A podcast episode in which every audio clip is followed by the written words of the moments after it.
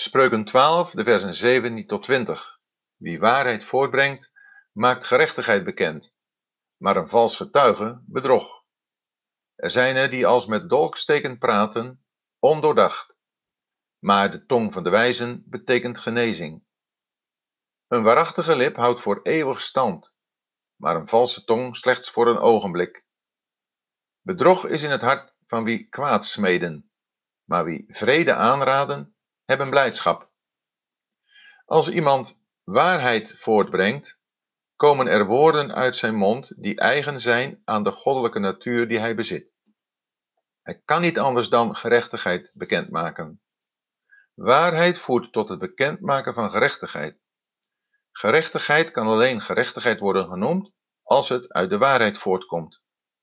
Gezien het contrast met de tweede versregel, waarin het gaat over een valse getuige, kunnen we aan een rechtszaak denken, maar het kan ook breder worden toegepast. De waarachtige of waarheidsgetrouwe getuige is betrouwbaar omdat hij de waarheid vertelt. Hij geeft de juiste kijk op de zaak. Wie de waarheid voortbrengt, zal het recht niet buigen, maar bekendmaken. Een valse getuige doet de waarheid geweld aan. Hij pleegt bedrog ten aanzien van de feiten. Hij liegt daarover. We kunnen ons allemaal wel eens vergissen in het weergeven van bepaalde feiten. Maar bedrog is doelbewust een andere voorstelling van zaken geven en dat als getuige dan met de werkelijkheid overeenkomt. De Heer Jezus heeft altijd waarheid voortgebracht en daarmee gerechtigheid bekendgemaakt. Hij heeft ook te maken gehad met valse getuigen. Het een roept het ander op. Wie niet voor de waarheid wil buigen, gaat liegen tegen en over de waarheid. Het gaat in vers 17 over iemands karakter, wat hem bezielt en wat hij als gevolg daarvan voortbrengt. Wat we zeggen maakt duidelijk wie we zijn. Waarheid voortbrengen wil zeggen dat het van binnen komt. Johannes de Doper bracht de waarheid van God over het huwelijk voort door Herodes bekend te maken met Gods gerechtigheid over zijn ongeoorloofde verhouding met de vrouw van zijn broer. Marcus 6, vers 18. Woorden kunnen als dolksteken werken.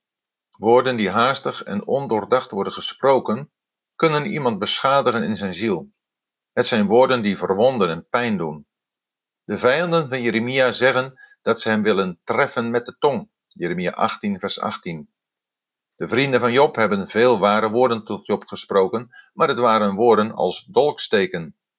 En wat te denken van de vreselijke insinuatie, uitgesproken door de Joden tegen de Heer Jezus, dat hij uit hoererij geboren zou zijn. Johannes 8, vers 41. Wat een dolksteek! En wat een rustige, bedaarde en bezonnen reactie van de Heer. Hun dolksteek maakte duidelijk dat ze de duivel als vader hadden, en dat zegt de Heer hun dus ook. Johannes 8, vers 44. Iemand kan met woorden zo kapot gemaakt worden dat hem het leven onmogelijk wordt gemaakt. Veel mensen kennen de stekende pijn van valse, onvriendelijke, ondoordachte opmerkingen over zijn persoon of over een geliefde. We moeten er ook rekening mee houden dat we het zelf, mogelijk onbewust, ook wel eens hebben gedaan. Omgekeerd bewerkt wat de wijzen zeggen genezing. Van onszelf hebben we geen tong van de wijzen. We kunnen die wel krijgen door van de Heer Jezus te leren, want Hij had die tong. Hij heeft geleerd als een wijze te spreken en is daarin voor ons een voorbeeld. Van Hem kunnen we leren hoe we moeten spreken. Jesaja 50 vers 4. Dan zullen onze woorden helend zijn, want dan zijn ze betrouwbaar en waarachtig. We spreken zacht en vriendelijk, opbeurend en bemoedigend tot hen die het mikpunt van lastenpraat zijn. Barnabas had een tong van de wijzen. Hij sprak geruststellende woorden tot de gemeente in Jeruzalem over Paulus. De tong moet een helend instrument zijn, zowel voor beschadigde harten van personen als voor kritieke situaties in gemeenten. Dat gebeurt als er een goed woord wordt gesproken, een woord dat opbouwt en genade geeft aan hen die het horen. Efeziërs 4, vers 29. Ook een vermanend woord kan dat effect hebben als het op het juiste moment tegen de juiste persoon en in de juiste gezindheid wordt gezegd.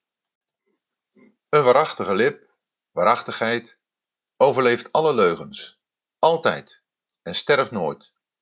Waarheid is van God. God is de God van de waarheid. Daarom is waarheid verbonden met de eeuwigheid. Wat in waarheid wordt gezegd, zal nooit teniet gedaan worden. Alle aanvallen op de waarheid, alle tegenstand tegen de waarheid, kunnen de waarheid op geen enkele manier ongedaan maken. Nooit. Dat is anders met de valse tong, de leugen.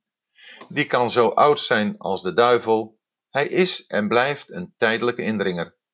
Leugens kunnen slechts een beperkte tijd een bepaalde macht uitoefenen en zich handhaven. Het is slechts voor een ogenblik.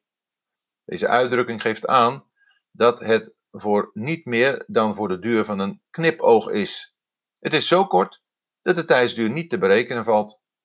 Het leven van wie met een valse tong spreekt is van korte duur in vergelijking met de eeuwigheid die wacht. Alle valse leraren zullen dat ervaren. Hun leugen verdwijnt, terwijl de waarheid blijft. Iedere gelovige moet een waarachtige lip hebben. Dan spreekt hij de waarheid en die houdt eeuwig stand. Lip staat hier voor de persoon die de lip gebruikt. Het contrast in vers 20 is tussen kwaad smeden en vrede aanraden en in beide gevallen met het oog op de gevolgen. Omdat er in het hart bedrog is, is het hart de smederij van het kwaad. Kwaad vloeit voort uit bedrog. Het gevolg van het beramen van kwaad is alleen maar verdriet en moeite. Kwaad houdt hier het idee van pijn in. Daartegenover staan wie vrede aanraden. Vrede, shalom, veroorzaakt geen pijn, maar bewerkt heelheid en welzijn, zowel voor een individu als voor een gemeenschap. Wie vrede aanraden, zullen de innerlijke tevredenheid oogsten van het doen wat goed is, evenals het plezier van het zien van positieve resultaten. Het verschil tussen waarheid en leugen is het verschil tussen vrede en oorlog. Alle oorlogen worden uit een leugen geboren, behalve de oorlogen van God. De leugen werd geboren toen de Satan God de oorlog verklaarde.